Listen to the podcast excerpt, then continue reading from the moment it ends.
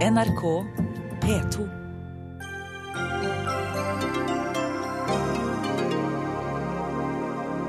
Statlig overkjøring og lite demokratisk. Både pårørende og Utøya-naboer går ut mot planlagt minnesmerke etter 22.07. Det er fritt fram for skulk i norske skoler. Skolen gir elevene altfor stor frihet til å ødelegge skolegangen sin, mener lektor og forfatter. Diskriminering mener blinde og døve om at de ikke lenger får være meddommere i retten. De kan ikke vurdere alle bevis, mener Oslo tingrett.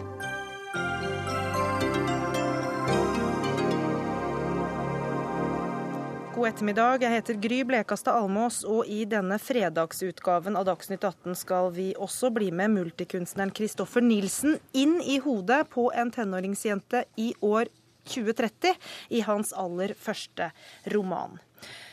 Men vi begynner med naboer og etterlatte etter tragedien på Utøya, som ikke vil ha det planlagte minnesmerket etter 22.07.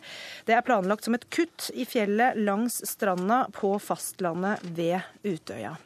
Og Vanessa Svebakk, din 14 år gamle datter døde på Utøya. Eh, hvorfor har du reagert på dette minnesmerket, som av andre er blitt eh, rost opp i skyene? Fordi vi føler det vil var totalt oversett. Og ikke minst overkjørt fordi alle andre mener dette her er bra. Vi har ikke fått noe informasjon. Verken eh, i løpet av året som vi har vært på reise, det har vi sjekket opp, men spesielt siden offentliggjøring ble gjort. Men hva er det dere har savnet av informasjon? Informasjon som, som uh, gjelder vår datter. Uh, et, uh, de ønsker å ha navnet hennes på minnesmerket. Og hva tenker du om at de har planlagt å, å sette opp navnene? Det er helt forferdelig.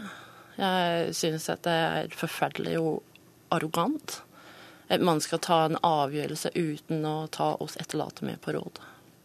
Og Da må vi jo uh, spørre uh, de som er ansvarlige her, uh, Statens fagorgan for kunst i offentlig rom. og Svein Bjørkås, du er direktør der. Hvorfor har dere ikke tatt de etterlatte med i denne prosessen? Nå er det sånn at De etterlatte er med i denne prosessen. De er representert i det utvalget som, som arbeider med denne saken for oss.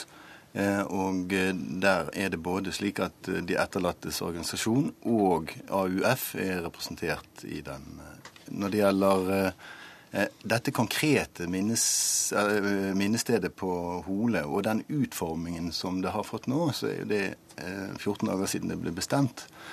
Så der har vi forsøkt å informere så godt vi kan og ha en høy profil på det. Men jeg hører du sier at dere har tatt organisasjoner med på råd her. Men i en tragedie som dette, så er det snakk om selvfølgelig veldig mye følelser, og det er enkeltmennesker involvert. Burde man ikke tatt seg tiden til å snakke med alle de involverte her?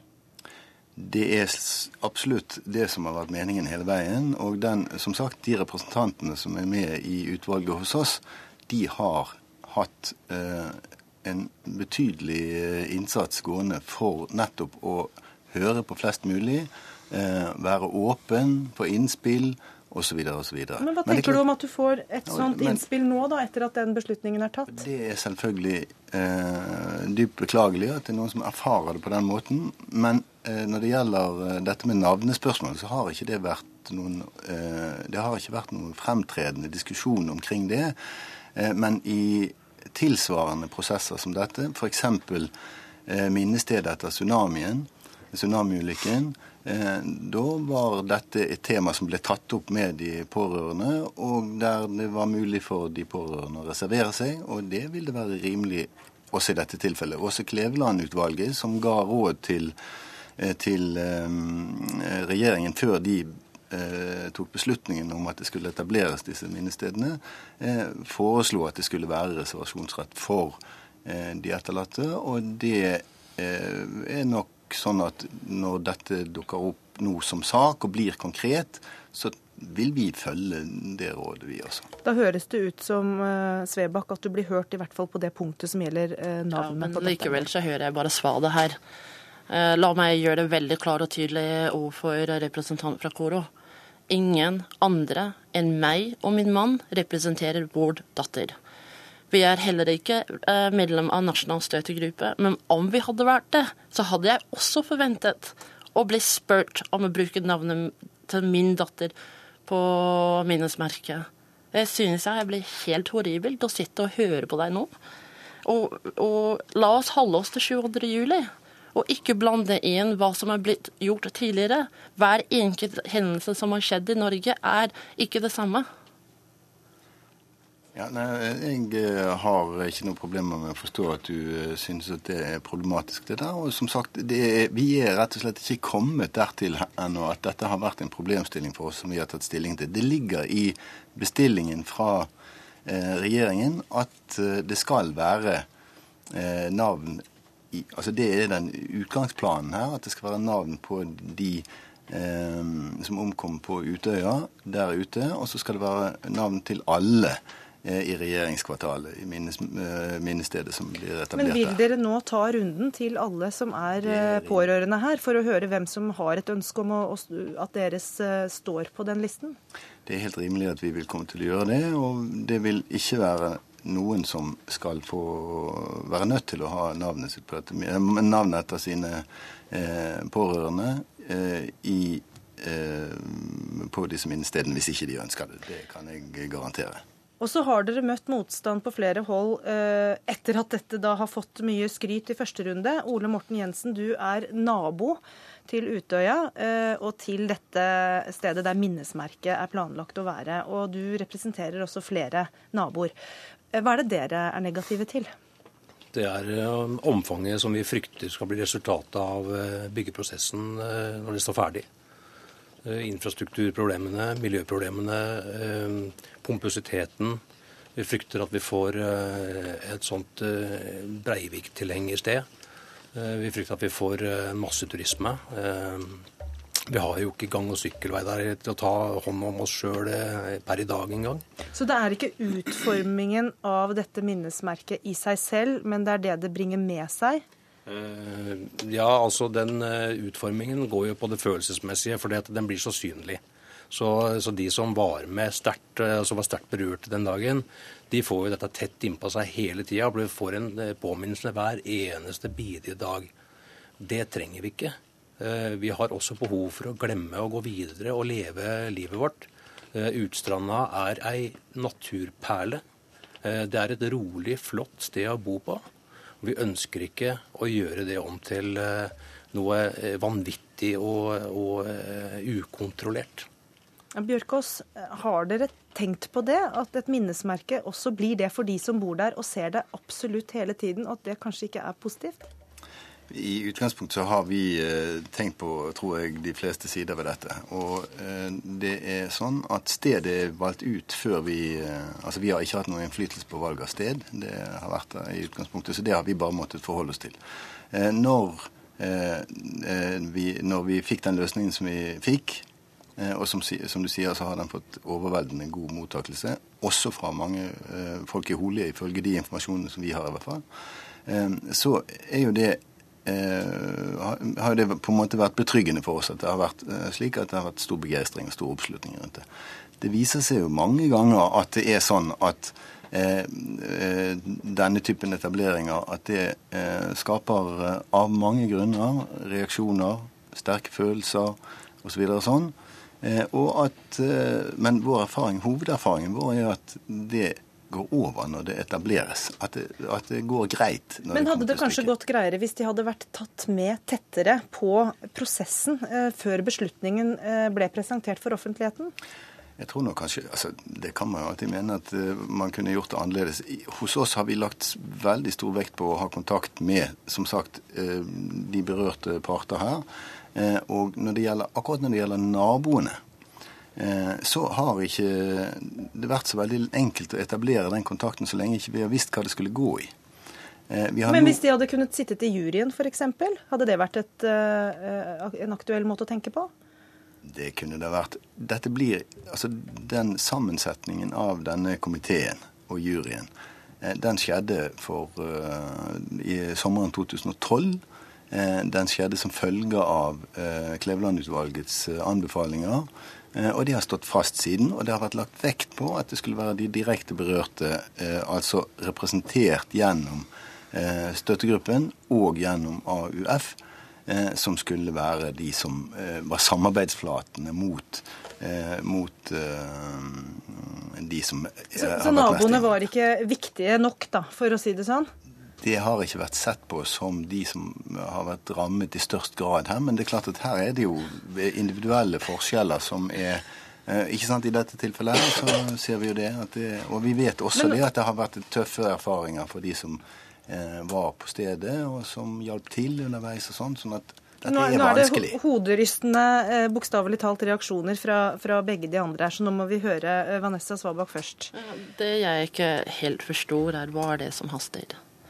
Han sier at det ble satt sammen et utvalg i sommeren 2012. De elleve uker før første før eh, ettårsmarkering i 2012. Vi satt i retten for å høre om hva som hadde skjedd til våres. Altså, den høsten 2012 hadde vi kommisjonsrapport. Så har vi hatt dommersigelsen. Når var det vi, vi hadde tid, energi, mm til å kunne ta tak i det du snakker om nå. Det er bare nå at de fleste av oss har begynt å få hodet over vannet, og det er knapt. Er det sånn mangel på forståelse for eh, de etterlattes situasjon her, eh, kanskje, som preger dette her? Har preget prosessen litt? Det tror jeg at vi må altså Det er jo sånn at dette er en forferdelig historie. Det er en forferdelig vanskelig historie for veldig mange. Det er veldig mange forskjellige typer erfaringer knyttet til håndteringen av det sorgarbeid og det etterarbeidet som, har vært, eh, som alle har blitt tvunget til å forholde seg til. Eh, det som Men har dere hatt hastverk? Vi har eh, fått eh, mange forskjellige reaksjoner. At det går for fort, at det går for seint. Ja, hva, hva tenker du, som har sittet og jobbet med det? Vi gjennomfører dette ut fra de forutsetningene Men føler du at du har hatt litt dårlig tid? Vi har ikke hatt veldig dårlig tid. Ok, Ole Morten Jensen, eh, du ba også om ordet her. Ja, ehm, de har, de har jo, ehm, det har jo blitt bedt om eh, fra Statsbygg sin side eh, om en hasteutredning i forhold til infrastruktur. Og den, den er jo iverksatt nå, da. Og Utredninga der den går jo på at uh, det er 50 km sone. Det er jo ikke det. Det er jo 60 km som skal tilbakeføres der når nå som Nestunellen er åpen igjen. Så der må det utrettes på nytt hva som er konsekvensen der, da.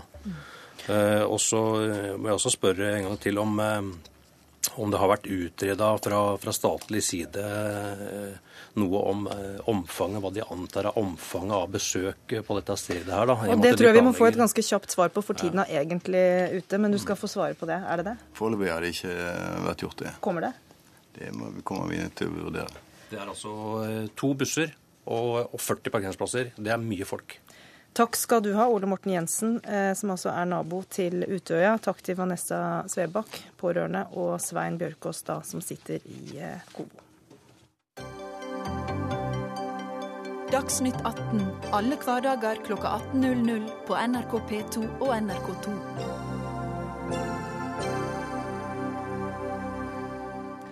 Tre år med borgerkrig i Syria er den største katastrofen i vår tid, sier Flyktninghjelpens Jan Egeland, som kommer inn i studio om litt. Men eh, først til alvorlige tilstander i norsk skole. Den er ute av kontroll når det gjelder fravær, oppmøtetid, innsats og deltakelse. Det er det du som mener, lektor og forfatter Carl Eirik Wold. Du eh, underviser på Fagerborg videregående skole i Oslo. Ehm, hvor mange elever manglet du i dag? I dag eh, hadde jeg seks elever av 18 i siste økt. Som var der, eller som Som var der. Så to tredjedeler manglet. Ja. Hva tenker du om det? Nei, Jeg tenker at det er sløsing med ressurser. Det koster eh, over 500 kroner per elev per dag. Og så er de altså ikke til stede. Det er jo en katastrofe. Og I Aftenposten i dag så kommer det fram at hver eneste elev i eh, videregående skole i Oslo er borte fire uker av skoleåret. Altså dette er et gjennomsnitt, mm. men når vi da vet at uh, mange er der hele tiden, så er det også et enormt fravær hos enkelte. Og Hvordan er det mulig? Nei, Det er mulig fordi vi ikke har noen uh, sanksjonsmuligheter. Elevene kan jo komme og gå akkurat som de vil. De har en gratis skoleplass de ikke kan miste. Og gratis er jo veldig ofte synonymt med verdiløst. Så der ligger vel hunden begravet. Da får vi spørre Benjamin Myrstad. Eh, aller først, gratulerer. Takk. Du er i dag valgt til ny leder av Elevorganisasjonen. Ja. hvorfor gidder ikke ungdommer å gå på skole?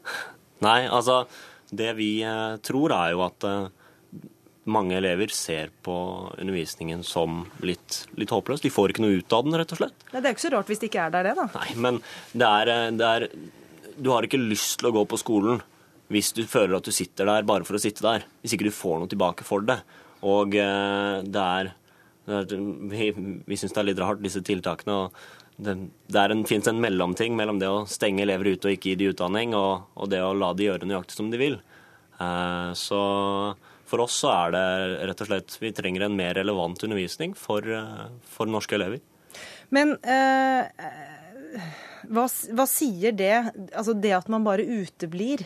Eh, burde man ikke heller være til stede da, og prøve å presse på å få en bedre undervisning hvis man mener at det er der skoen trykker? Jo, altså det er mange elever som mest sannsynlig må ta et tak.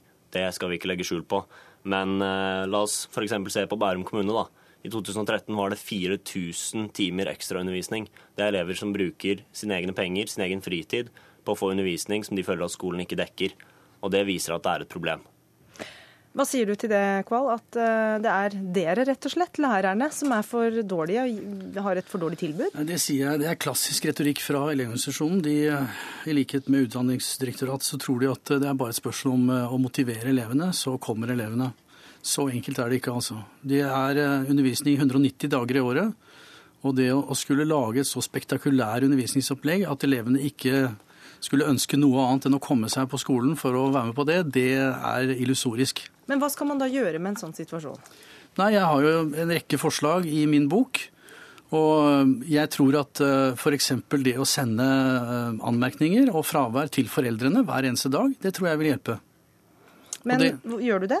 Ja, altså, dette kan gjøres uh, digitalt. Dette kan gjøres fordi vi har allerede et digitalt program som registrerer de tingene. Det er bare å programmere datamaskinen slik at den kan sende dette automatisk. Men gir du beskjed til foreldrene til de nei, som ikke jeg, møtte på skolen i dag? nei, eksempel? det som skjer på skolene overalt, gjelder hos oss også, det er jo at den beskjeden går etter noen uker hvor det allerede er for seint, hvor det har hopa seg opp og hvor det har fått for mange anmerkninger. Det er sånn det fungerer i dag. Men øh, hva gjør du øh, når folk kommer for seint på skolen? For da kommer de jo, men de kommer midt i timen. Kan du, kan du ikke bare be dem vente på gangen til neste time da? Nei, det kan jeg ikke, for de har krav på undervisning. Da må jeg ha et undervisningsopplegg i bakhånd som jeg må ha laget, og som jeg går ut og snakker med elevene på gangen, avbryter undervisningen, og som jeg sender dem f.eks. på biblioteket. Så hvor, hvor mener du årsaken til dette, eller løsningen, da? Hvor ligger løsningen på dette problemet? Løsningen ligger i sanksjonsmuligheter. Der Hvem gir det? Nei, Det må jo være myndighetene, skolemyndighetene som bestemmer det. Da får vi høre med Sissel Skillingshaug her, som er avdelingsdirektør i Utdanningsdirektoratet. Hvorfor stopper dere ikke denne skulkinga? Jeg tror vi først og fremst skal være veldig klare på at fra, fravær og fravær, frafall, som er nært knytta til det, er et stort og alvorlig problem. Det diskuteres i de aller fleste vestlige land. Men det er også et sammensatt problem. Og sammensatte problemer har sjelden veldig enkle løsninger. Det Kval skisserer med å ha, innføre en enkel, sentral regel for å møte alle de ulike årsakene til det problemet der ute, jeg tror ikke vi er noen god løsning. Men hva er da en god løsning? Nei, Det finnes mange løsninger, for så vidt. Skolene har et stort handlingsrom som de i varierende grad benytter. Kval viser her til at det er systemer som gjør at man kan sende beskjed direkte til foreldre, f.eks. Det finnes, det, og de, etter hva jeg hører, så, så, kommer det umiddelbart. Jeg har hørt foreldre si at barna deres kontakter de umiddelbart fordi de vet at hvis ikke så, det kommer en melding fra skolen, og da må de forklare seg på hvorfor. Mange skoler har jobbet godt og systematisk med dette de siste årene. Men det er møter... også skoler som har prøvd tiltak som de har blitt stoppa på. Bl.a. en skole som sendte elever som kommer for seint inn på biblioteket og sa at nå får dere sitte her til timen er over. Det fikk de ikke lov til. Nei, det, var, det var den skolen i Gausdal problemet med de sanksjonene de valgte, var at de eh, nektet elevene rett til opplæring. Og det er en rett de har i loven. Eh, men så har du den andre skolen på Lørenskog, var det vel, som var skissert i denne eh, Aftenposten-artikkelen i dag. Eh, og de hadde en helt annen tilnærming. Eh, for der var det ikke verken sånn at de utstengte elevene, men heller ikke sånn at de bare kunne komme og gå som de vil. De måtte faktisk innom skoleledelsen. De måtte forklare seg hvorfor de kom for seint, eh, og følges tilbake. Og jeg tenker at En skoleledelse som er litt tett på der, de vil kunne ta tak i elever som har og, sortere litt i hva som er årsakene til fraværet. Det er forskjell på å miste bussen av og til, og kanskje ha litt mer sammensatte årsaker til at du ikke dukker opp i undervisningen. Benjamin Myrstad, hva ville ha fått deg tilbake på skolen hvis du i utgangspunktet ikke egentlig gadd å gå? Nei, altså eh, I utgangspunktet her så tror jeg det er viktig at man, man bygger opp en respekt for skolesystemet fra tidlig alder. Og det kan ikke gjøres gjennom frykt, det må gjøres gjennom respekt. Det er, det er en grunn til at Kristin Halvorsen knakk spanskrøret i 2011, for det har ikke en plass i norsk skole. Men bidrar det til å skape respekt når du som leder for elevorganisasjonen går ut og sier at eh, skolen er for kjedelig, da? Det er jo snakk om rett og slett at ja, det er jo Elevene mener jo at undervisningen er, er for kjedelig. De får ikke, får ikke, et utbytte av det. Og det er når man har hatt samme undervisningsmetoder i 50 100 år med tavleundervisning, så henger jo ikke skolen med i samfunnsendringene. Og der, der mener vi at både eh, Utdanningsdirektoratet og Kunnskapsdepartementet, men også elevene og lærerne, har et, har et felles ansvar da, for å ta et, eh, ta et, tak og oppdatere undervisningsmetodene. Men du Kval, føler jo at du ikke har eh, noen sanksjonsmuligheter når fraværet blir stort. Hva skulle du ønske du satt med av eh, maktmidler, da? Gjensitting tror jeg hadde virka veldig godt på elever i dag. Det er jeg helt overbevist om. De har, elevene er da må de først komme, da. da må de først komme, ja. Hvis de kommer for seint osv. Men altså, han, han snakker om respekt i klasserommet. Det syns jeg er et kjempegodt utgangspunkt. Og da eh, er det altså sånn at fire uker i året i min undervisning så ramler det elever inn i røde festklær fra i går russ, altså med andre ord. Mm. Når så jeg noen gang Elevorganisasjonen eh, gjorde noe, eller forsøkte å gjøre noe med det? Hjelpe oss slik at russetida f.eks. kunne komme etter eksamen? Mm. Altså Hva slags respekt gir det for klasserommet? Men nå blir det vei i vellinga, skjønner du, for nå har Elevorganisasjonen fått ny leder, eller? Det stemmer. Eh, Elevorganisasjonen vedtok eh, på tirsdag, vel, eh, at vi går inn for eksamen før russetiden. Rett og slett rent praktisk hvordan det skal gjennomføres, det har vi ikke har vi ikke kommet inn til. Men... Da, da, har vi fått etablert det er egentlig en litt annen debatt, men jeg vil gjerne høre med Skillingshaug da om gjensitting f.eks. er et grep eh, lærerne kan få? Det er absolutt muligheter for forskriften sånn som den er, eh, å bruke gjensetting. Men da må det reguleres i skolens ordensreglement. Eh, og det er det som er grunnlaget for å vurdere i orden og atferd, som er det hjemmelsgrunnlaget du eventuelt har, da. Men hvordan skal man få dette til hvis Altså, elevene går jo på skolen frivillig. Og hvis ikke de føler at de, det får noen konsekvenser hvis de uteblir, så lar de kanskje være, da, hvis de heller har lyst til å sove litt lenger om morgenen, f.eks. Mm. Det er jo det som skjer i dag. Også, det er det som skjer i dag. Og så så jeg nå at nesten halvparten, altså Det er ganske høyt tall. Halvparten fullfører ikke videregående skole. Er ikke det litt sånn krise? Er det, er det ikke krise i men, norsk eh, skole når det er sånne tall som vi hører her? Sammen. Ja, det, det er i hvert fall et alvorlig og sammensatt problem. Uh, og jeg, jeg, bare, jeg, tror det er så viktig at alle uh, aktørene i dette bildet erkjenner at det er alvorlig og at det er sammensatt. Uh, og at ikke noen av oss på noe nivå sitter og foreskriver veldig enkle løsninger. Fordi de finnes ikke. Dette må vi nærme oss er det, er det, det han gjør, mener du? Er det det Kval gjør i boka si? tenker, altså, det, Nei, jeg sier ikke at han gjør bare det. Men en av de tingene som har vært fremme i debatten i dag, er jo f.eks. fravær. At man skal sette et tak for fravær. Og jeg tenker at det er ikke, eh, det er ikke en god tilnærming. fordi det er grunner da, til at disse elevene er fraværende. Eh, og de varierer. Eh, og da vil ikke en sentral regel som skal gjelde for alle uansett, nødvendigvis være en god tilnærming. Fordi det er skolen og læreren som er tettest på de elevene, og som kan sortere i hvilke hvilke eh, grunner det er til at elevene er fraværende fra undervisningen. Kan jeg bare få komme med et poeng? Altså, siden jeg har Utdanningsdirektoratet her nå, bare lese veldig kort fra boka mi. Det må være veldig kort, ja. Da snakker man om sluttvurdering, og så sammenligner man da eh, en elev med en pianist som skal øve til dette er et innlegg i Aftenpostens aftennummer et par år tilbake. Sammenligner eleven med en pianist som skal øve til en konsert. Og så sier man at vel, vel, altså hvordan, hvordan, man øver, det spiller jo ingen rolle, bare man møter opp til slutt og gjør en god konsert. Og dette gjennom, altså hele reglementet fra Utdanningsdirektoratet gjennomsyres av den type tenkning. Det spiller ingen rolle hvilken innsats du har i timen, men du skal bli sluttvurdert. Ok, Det siste ja. ordet skal Benjamin Myrstad få, og jeg har lyst til å spørre deg da om det er norsk ungdom som er blitt for late, for bortskjemte?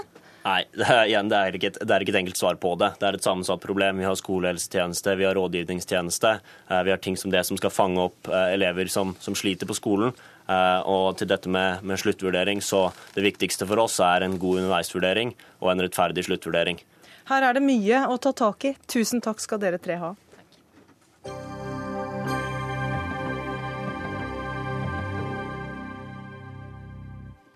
I morgen er det nøyaktig tre år siden urolighetene i Syria startet. Det eskalerte raskt til en borgerkrig som har kostet over 140 eh, 000 mennesker livet og drevet ni millioner på flukt. Sigurd Falkenberg Mikkelsen, du er eh, NRKs Midtøsten-korrespondent og har fulgt situasjonen i Syria tett. Hva var det som skjedde for eh, tre år siden nøyaktig i morgen?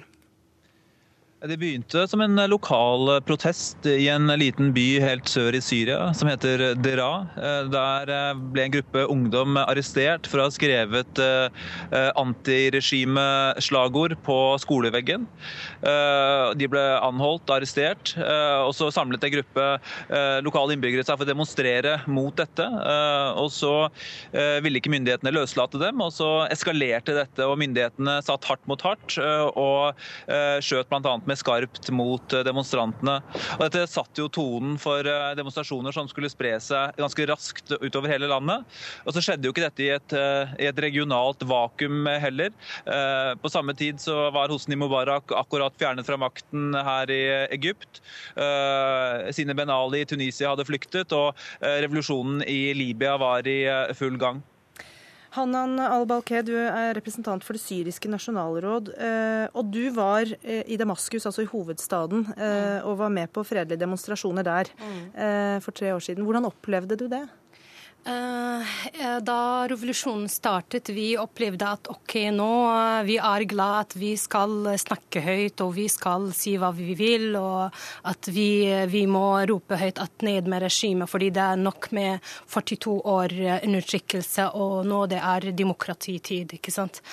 Og eh, vi gikk på gata uten å føle at det, vi er redde, og eh, deltok i demonstrasjoner og eh, tok bilder og sendte til media. Og det var eh, veldig, veldig ubeskrivelig opplevelse. Hva trodde du at det du var med på da, skulle føre til?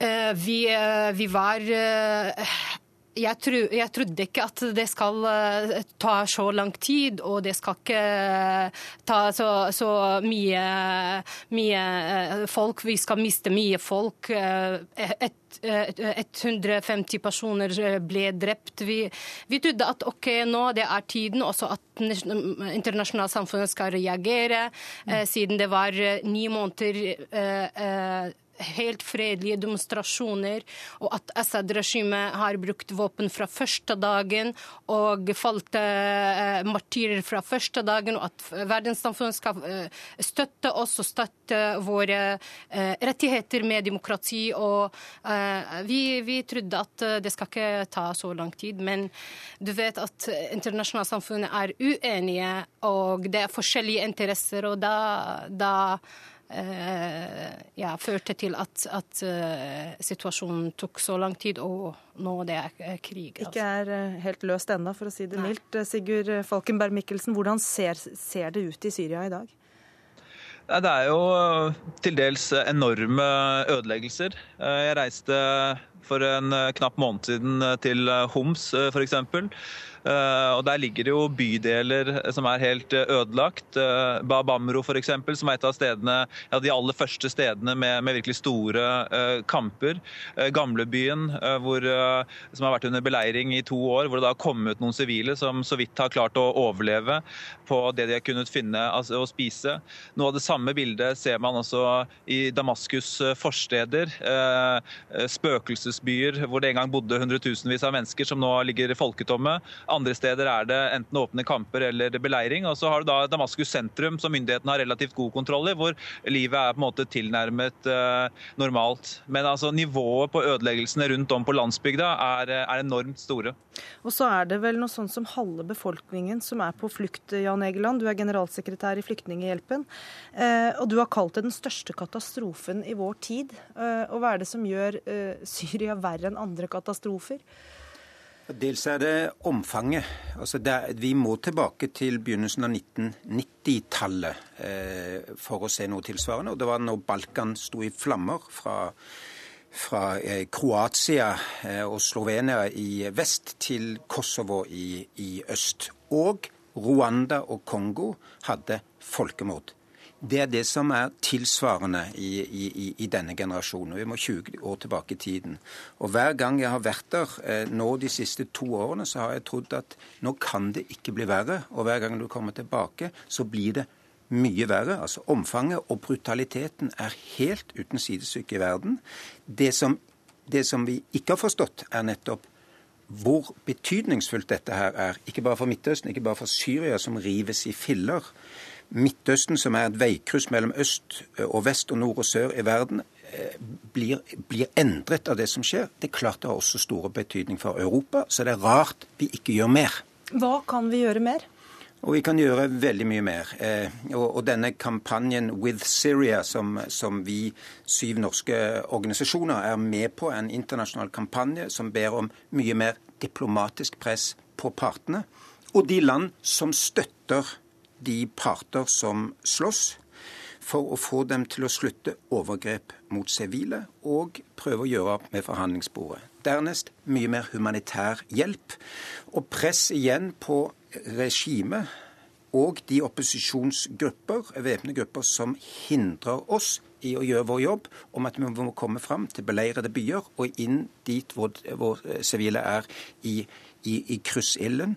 Eh, i det hele tatt, eh, vi, Folk må gjøre mer i flere land. Eh, Bl.a. må vi her også ta vår del av flyktningebyrden. Vi må ta flere flyktninger hit. Ja, for det eh, skulle jeg også spørre deg om. Det har jo vært diskusjoner i Norge om hvor mange flyktninger vi skal ta imot fra Syria.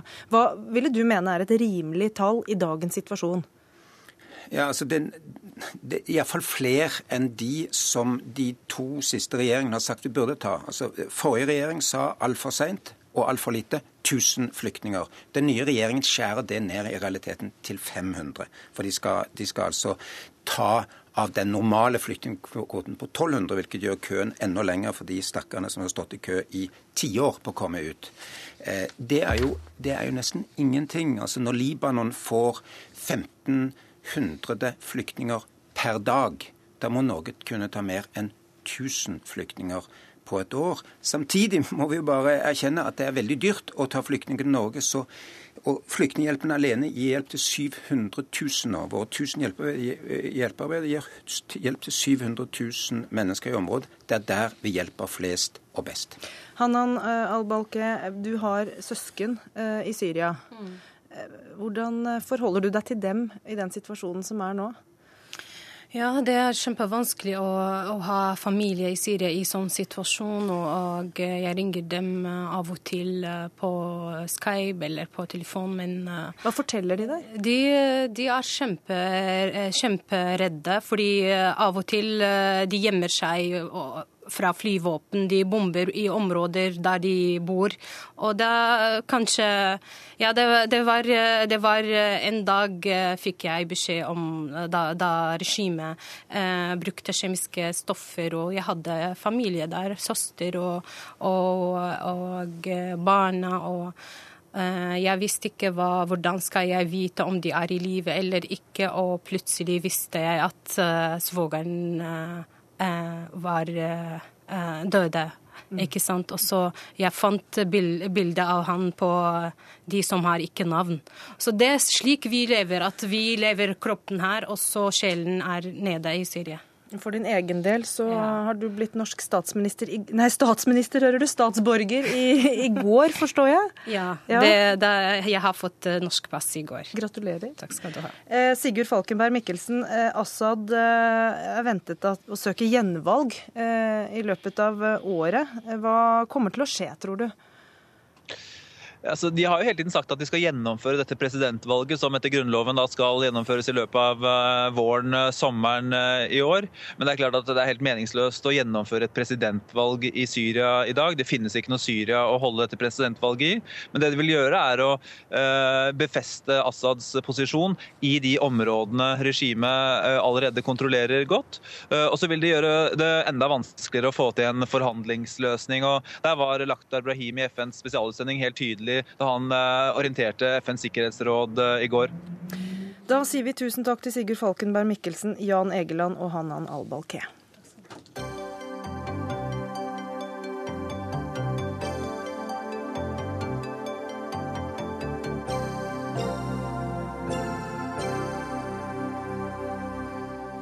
Kommunal stormannsgalskap, sier Norsk Industri om søppelkrisen, og mener de har løsningen.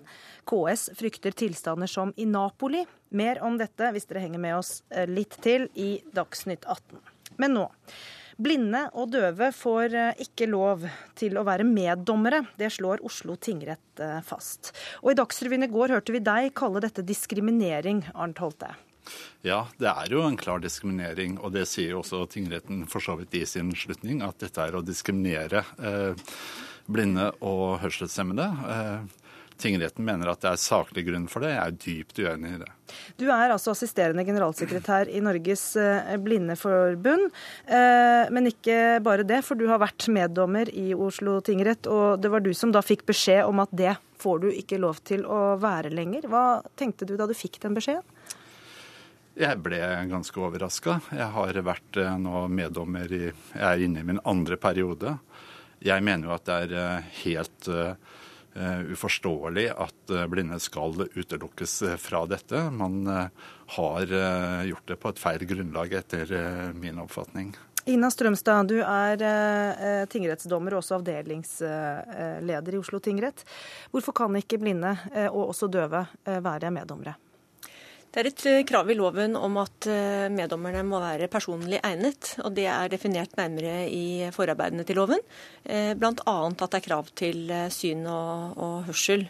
Og Det er jo for at meddommeren skal selv kunne få med seg de bevis som føres i, i retten, også da de visuelle bevisene, for å kunne på selvstendig grunnlag gjøre en vurdering for sin avgjørelse. Men han har jo sittet som meddommer nå i to perioder. Hvorfor kan han ikke fortsette med det? Eller hvorfor har man ikke oppdaget at det er problematisk før?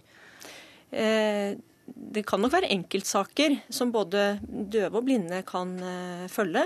Eh, men begrunnelsen fra tingretten er dels at eh, det vil være så mange saker som en døv eller blind meddommer ikke kan følge. Eh, At eh, det utelukker vedkommende. Eh, Og så er det i tillegg en, en vurdering av at man er avhengig av en, en tolk for å kunne beskrive det man selv ikke enten da kan se eller høre, og at det da gjør at man ikke oppfyller lovens krav til personlig egnethet. Holte, Er ikke det rimelig at man kan kreve at meddommeren også ser de bevis som legges fram i retten?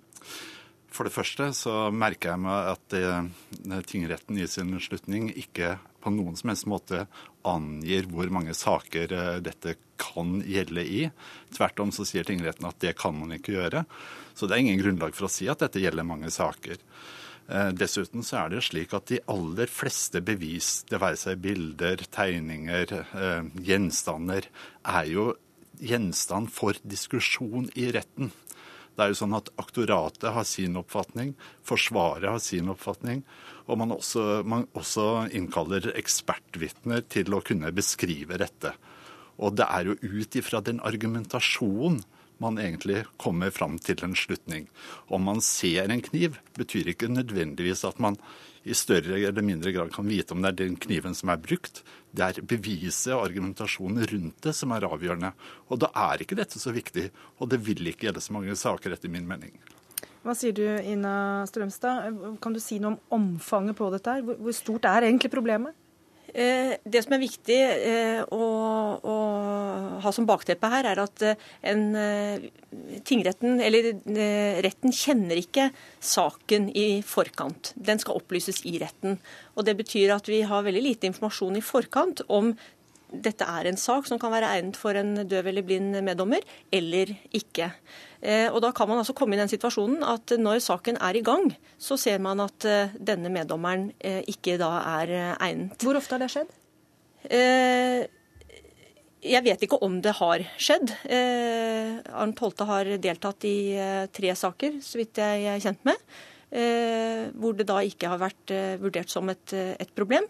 Eh, men var trukket ut som varameddommer i Sigrid-saken, eh, hvor tingretten Det kom ikke på spissen, men eh, som et eksempel på at det kunne bli et problem. Men det er uforutsigbarheten, det at man i forkant ikke vet om dette er en sak som er helt avhengig av at man kan eh, få med seg bevisene gjennom syn og hørsel. Det er det som er det problematiske. Holte, er det ikke rettssikkerheten som må komme først her? Nei, faktisk så syns jeg uh, tingrettens beslutning er svært ubalansert på det, på det punktet.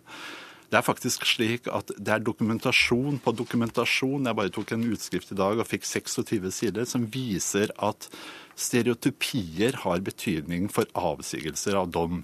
Dvs. Si at synet faktisk kan gi et feil utslag på dommen fordi at man bedømmer mennesker ut ifra hvordan de ser ut. Massevis av forskning som viser det. Eh, faktum er at det å ikke kunne observere det, øker faktisk eh, rettssikkerheten. Men så vil jeg også påpeke én ting til. Jeg mener jo at domstolen som institusjon har et spesielt krav til å vise aktsomhet når man begynner å diskriminere. Fordi at domstolens beslutninger har så stor betydning for resten av samfunnet.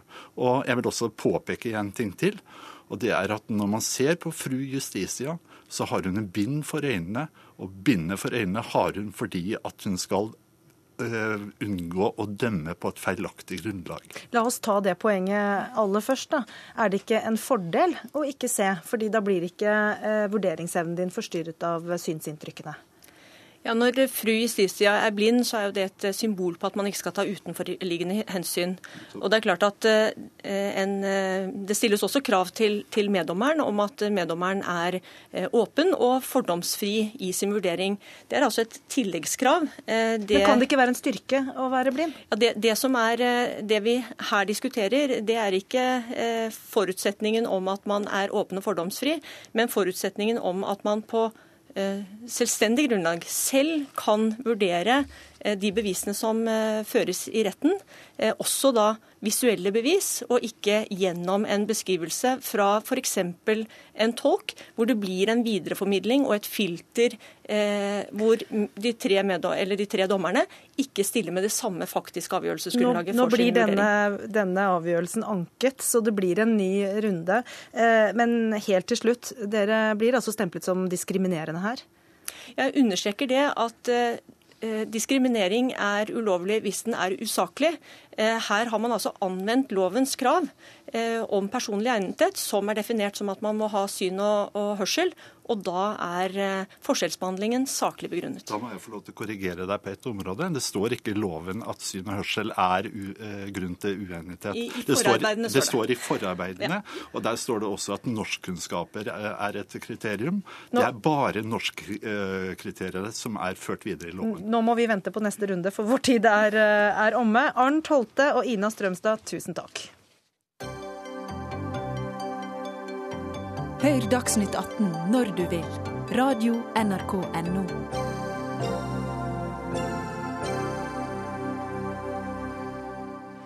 Da vi diskuterte søppel her i Dagsnytt 18 på tirsdag, hadde vi problemer med å få klare svar på hvordan vi skal organisere oss sånn at eh, verdifulle avfallsressurser ikke kjøres milevis over grensa til Sverige for å forbrennes der, mens norske forbrenningsanlegg må til utlandet for å få nok søppel. Og her er et redigert utdrag av forsøket på å få svar fra Odd Henriksen, som er gjenvinningspolitisk talsmann for Høyre på Stortinget. Eh, hva kan gjøres? Altså for det første så viser den rapporten som er lagt fram at uh, bransjen uh, har utfordring. Spørsmålet er jo hva vi gjør i en fremtid for å videreutvikle avfallsbransjen. Ja, og Det var egentlig det som var spørsmålet mitt òg. Hva, hva, kan vi gjøre med dette? Jeg, jeg, tror det er viktig at vi får til en helhetlig politikk hvor vi, vi, ser på avfall som en ressurs. Og så må vi stille oss spørsmålet hvordan ønsker vi i Norge å utnytte dette, denne ressursen på best mulig måte. Ja, Men vi får, ikke, vi får ikke løsninger av å stille nye spørsmål, vi må finne svarene. Ja, det, det, det, er helt rett. Og, men vi må først stille spørsmålene. Og jeg, jeg, som sagt, På Stortinget så har vi fått mange henvendelser. Ja, og Det tok ikke mange minuttene etter at dette hadde gått på lufta før dere i Norsk Industri tok kontakt Stein Lier Hansen, for dere mener å ha løsningen. Og Da er vi spent. da, Hvordan sørge for at man får en rettferdighet inn i søppelmarkedet? Nei, Vi tror at løsningen er å gå vekk fra den ordningen som ble innført på slutten av 1970-tallet, eh, hvor vi fikk en lovgivning basert på et system hvor kommuner ble pålagt å etablere deponier. I dag er vi i en annen situasjon. Vi mener at eh, det beste løsningen er rett og slett å skape sunn konkurranse i markedet. Og Det betyr at kommunenes enerett til husholdningsavfall bør oppheves, sånn at det også blir konkurranse i det markedet. Da vil aktørene eh, konkurrere, og de beste vil vinne. Og markedet, altså de som skal ta imot søppel og de som produserer søppel, altså de vil finne hverandre i en markedssituasjon som blir mye mer optimal, og som hindrer overinvesteringer i anlegg. Kan du eh, prøve å forklare hva eh, kommunal enerett eh, på dette markedet egentlig er for noe? Det innebærer at husholdningsavfallet, altså det som du og jeg produserer, det har kommunen enerett til. Mens det avfallet som næringslivet produserer, det er det konkurranse om. Og Det fører til at du får en asymmetrisk konkurranse, og kommunen investerer for store anlegg, og så er det ikke nok husholdningsavfall. Og så får du de problemene som er gjengitt i media, at det overinvesteres, og så er det ikke avfall nok at anleggene står uten eh, de ressursene de trenger for å forbrenne? Ja, fordi at i dag så er ikke avfall et problem. I dag er avfall en ressurs. Mm. Men på 1970-tallet, når regelverket ble etablert, så var avfall kun et problem. Og nå er det en så verdifull ressurs at det altså eh, ønskes ut på det private markedet i større grad for at flere kan eh, gjøre penger på det. Bjørg Ravlo Rydså, du er direktør for KS Bedrift. Og du har sagt at du frykter Napoli-tilstander hvis dette forslaget blir noe av. Kan du forklare det? Ja, Det høres veldig riktig ut, slik som Stein Lier Hansen sier det nå, nemlig at markedet finner hverandre, og man får et effektivt og billige løsninger. I dette tilfellet så må jeg si det sånn at det offentlige må ha ansvaret for noen viktige oppgaver. Avfall er det. Man kan ikke se på avfall kun der hvor man tjener penger. Men det er blitt en vare, en eh, verdifull ressurs? Og det er en verdifull eh, ressurs. Og det er helt riktig som Lie sier, at i gamle dager så hadde vi disse digre søppeldungene med kråkene flyvende over. Og hvem løste det problemet når regjeringen i 2000 sa at dette må det bli slutt på? Fordi vi ønsker også å ivareta et annet mål. Ikke bare de billigste løsningene, men også den beste løsningen for klima og det lokale miljøet. Men er det den beste løsningen når vi ser forbrenningsanlegg nå som, som er desperate på jakt etter søppel fordi de ikke, får ikke nok inn fra sine innbyggere i den kommunen de representerer? Nok en litt sånn lettvint løsning. For i 2000, når regjeringen oppfordret til at nå må bransjen finne løsninger. For i 2009 så stenger vi disse forurensende og luktende miljødungene som vi hadde rundt omkring i Norge. En av de måtene å løse det på, det var å, å, å bygge forbrenningsanlegg. Og forbrenningsanlegg på den tiden, da ble planene lagt forretningsmessig ut fra at avfallsdungene bare gikk rett opp. I 2008 så er vi alle kjent med at da kom finanskrisen. Jeg er ikke kjent med at Stein Lier Hansen eller Norsk Industri greide å spå den finanskrisen. Det gjorde at faktisk markedet falt, fordi at når du og jeg og vi som sitter her har god økonomi, så bruker vi også mer varer. Ville ikke også private vært rammet av den finanskrisen, Stein Lier Hansen? Jo, men det er ikke finanskrisen som er problemet. Problemet er at det ikke er skapt et reelt marked. Og Det betyr at du ikke har fått eh, aktører som er kostnadseffektive, aktører som har investert i tråd med det som er realistisk. Vi kan ta syv interkommunale anlegg eh, som er bygd nå, med høy kapasitet.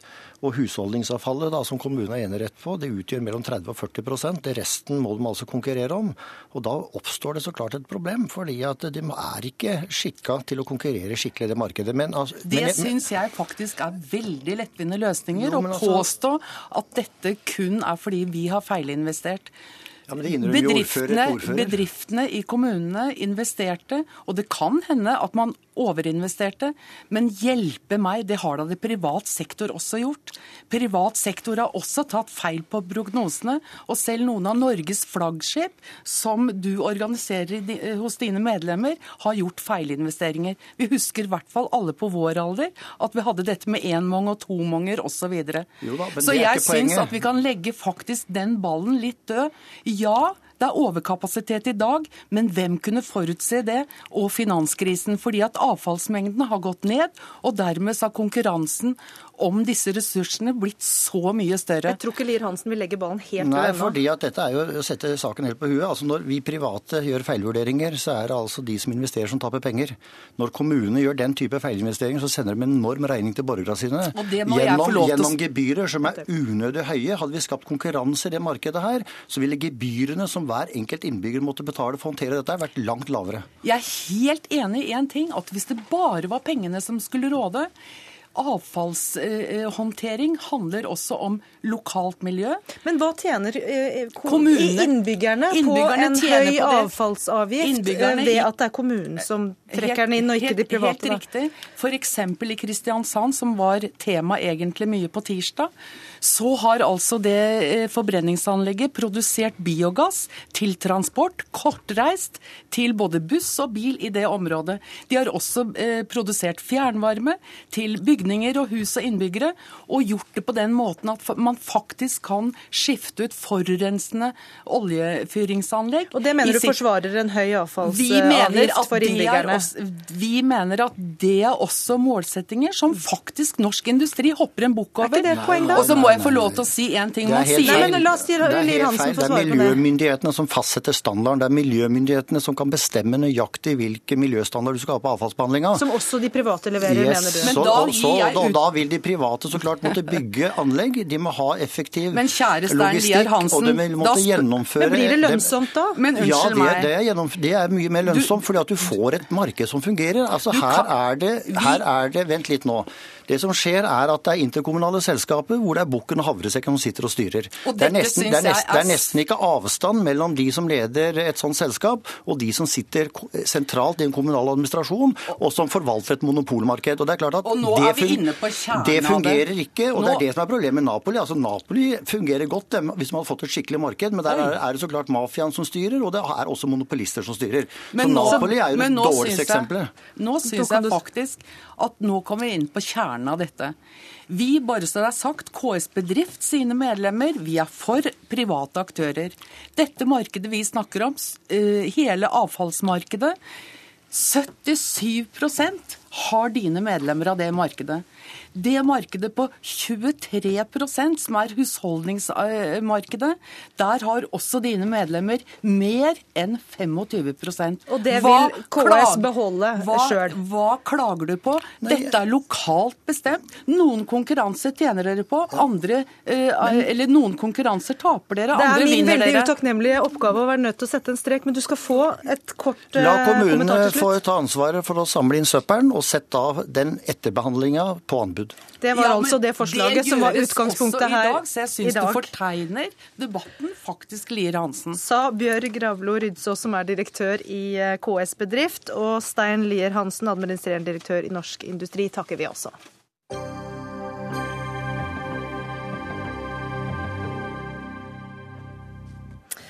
Når Kristoffer Nilsen eh, debuterer som romanforfatter i en alder av 50, gjør han det med oppsiktsvekkende bravur, skrev Dagbladet. Gratulerer, Kristoffer Nilsen. Takk skal du ha.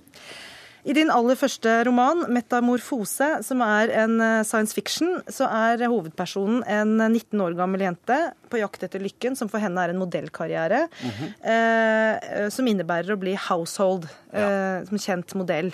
Hvordan har du jobbet for å komme inn i hodet på en, eh, en 19 år gammel jente anno eh, 2030?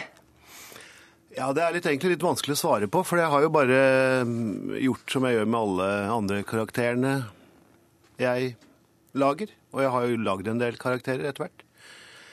Eh, Det virker kanskje veldig fjernt da, for en eh, 50-åring å eh, skulle skildre følelseslivet til en 19-åring eh, av eh, et annet kjønn. Men eh, ja, det er jo litt opp til leseren å finne ut om jeg har klart det eller ikke, da. Eh, en av de tingene som, som jeg har eh, merket meg, er jo språket. Eh, Ja. Det er en dagbokform mm -hmm. du har valgt. Og det er altså en 19-åring da som, som skriver her. Jeg har bare merket av et lite avsnitt. Hvis du kan lese for eh, lytterne og seerne våre, sånn at vi kan få et inntrykk av hva slags språkdrakt denne romanen har. Ja, det skulle jeg sagt før jeg kom, for jeg må ha briller. og det har jeg glemt. Ja, så se hva du klarer, da. Så. Eh, og noen ganger når jeg sitter og ser på Amanda, som har en skikkelig mening med livet og sånn, så får jeg en krise. En eksistensiell krise. Jeg kan, jeg kan noen fine ord, jeg også, altså. Og da tenker jeg sånn at det er jo meg, ikke sant? Det er bare jeg som er meg, hvis du skjønner hva jeg mener. Det er ikke noen andre. Det er bare jeg som er meg. Som er inni meg, som er alt som er meg. Skjønner du hva jeg mener? Og hvis jeg er inni meg, bare meg, så lurer jeg så klart alltid på kan jeg, som da bare er inni meg, som er meg, kan jeg ikke bli household, liksom? Hvis du skjønner hva jeg mener.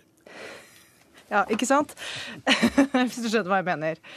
Hvor har du hentet eh, disse uttrykkene og begrepene til eh, Evita eh, i romanen? Ja, jeg har Det er en slags blanding av alt jeg har hørt av slang i, siden jeg begynte å vanke i byen på 70-tallet. Så eh, det er ikke nødvendigvis den ungdomsspråkdrakten vi finner i dag. Det er en blanding av flere tiår. Ja, fordi dette er jo science fiction, så jeg kan jo egentlig bare finne på hva som helst og så si at sånn er det i 2030. Eh, Så jeg har på en måte blandet litt fra mm, sånn som min mormor snakket, sjofelt og sånne uttrykk. Det er en del 70-80-tallsslang, sånn som jeg snakket. Og så har jeg prøvd å adoptere litt eh, kebabnorsk og litt eh, sosiale medier-norsk. Og litt sånn som jeg hører på drikken og sånn, da, når eh, folk snakker i mobilen. Og så er altså målet å bli household. Eh, -hmm. Altså bli Household name. Ja, Mm. Så kjent kjendis er målet. Supermodell. Og eh, designer drugs eh, er et, eh, et stort tema i boka. Mhm. Eh, Det ligger en del samfunnskritikk her. Hva er det du vil si? Ja, mitt eh, hov hovedforehavende er vel å, å drive og harselere med rotterace og eh, den voldsomme trangen til å klatre til topps, som jeg ser overalt rundt meg. Som jeg tror er mye sterkere nå enn kanskje før i tida. Jeg vet ikke helt. Men det virker som det er et sånn utrolig karrierejag, da, og krav til å lykkes og krav til å bli stjerne, og folk, eh, ungdommen eh, oppgir ikke brannmann og baker når de blir spurt om hva de skal bli når de blir store. De oppgir artist og superstjerne. Så eh, ja. Men du er jo en representant for et visst karrierejag sjøl. Altså, du har jo lenge holdt på Nei, det er jeg helt uenig i. Er du uenig i det? Mm. Jeg tenker nå at du har vært eh, innom og gjort stor suksess i veldig mange sjangere. Eh, Teaterscenen, tegneserier, Mm. film, nå også roman. Og ikke nok med det, du har som mål å komme i Guinness rekordbok. Det stemmer. Men det har ingenting med at jeg er veldig ambisiøs, altså. Syns det høres ambisiøst ut, ja, men Nei, nei, det er overhodet Dette er en slags eh, utforsking av kunstestetikk, skjønner du. Hvor, eh, for det er en annen ting jeg har observert, er at eh, størst og mest er på en måte de eh, grunnleggende estetiske barometre vi har nå for tiden. Og det å komme i Guinness rekordbok eh, er kanskje også et parameter? Ja, selvfølgelig. Det er jo det beste parameteret for størst og mest. Så Og hvordan skal du havne der? Jeg skal eh, Jeg har jo da allerede uttrykt meg med en teaterforestilling, og så har jeg lagd en roman. Og så kommer jeg snart med en kortfilm, animasjon, film. Så skal jeg lage en misfornøyelsespark som skal eh, stå foran Nationaltheatret i første omgang. En misfornøyelsespark. Riktig, en misfornøyelsespark. Det er en blanding av tivoli og kunstinstallasjon og forskjellig, og performance, hvor det er både skulptur og maleri og forskjellige ting. Eh, Så da dekker jeg de to eh, områdene. Og, så, og den skal fortsette på Henny Onsdag på en utstilling. Eh, Og så skal jeg avslutte året med en ny tegneserie. Da har jeg dekket sju av det jeg definerer som ti kunstarter. da. Mangler fotografi og radio og litt forskjellig. Det får komme neste år, det da, kanskje. Ja, radio Ja, har du dekket men- inn i dag. Nei, men det må jo være litt mer enn bare et intervju på radio. Det må være en, et eller annet. Eh, Det er ikke den ting du ikke klarer, virker det som, hvis vi skal eh, dømme etter anmeldelsene. Gratulerer med utgivelse av din eh, første roman, og takk, Takk for at du kom til Dagsnytt 18. Kristoffer Nilsen. Takk for det. Denne utgaven av eh, Dagsnytt 18 er eh, slutt. Den eh, ansvarlige for denne sendingen var Bjørn Atle Gildestad, mens det tekniske ansvaret hadde Lisbeth Sellereite. Og her i studio ønsker Gry Blekastad Almås alle en riktig god helg.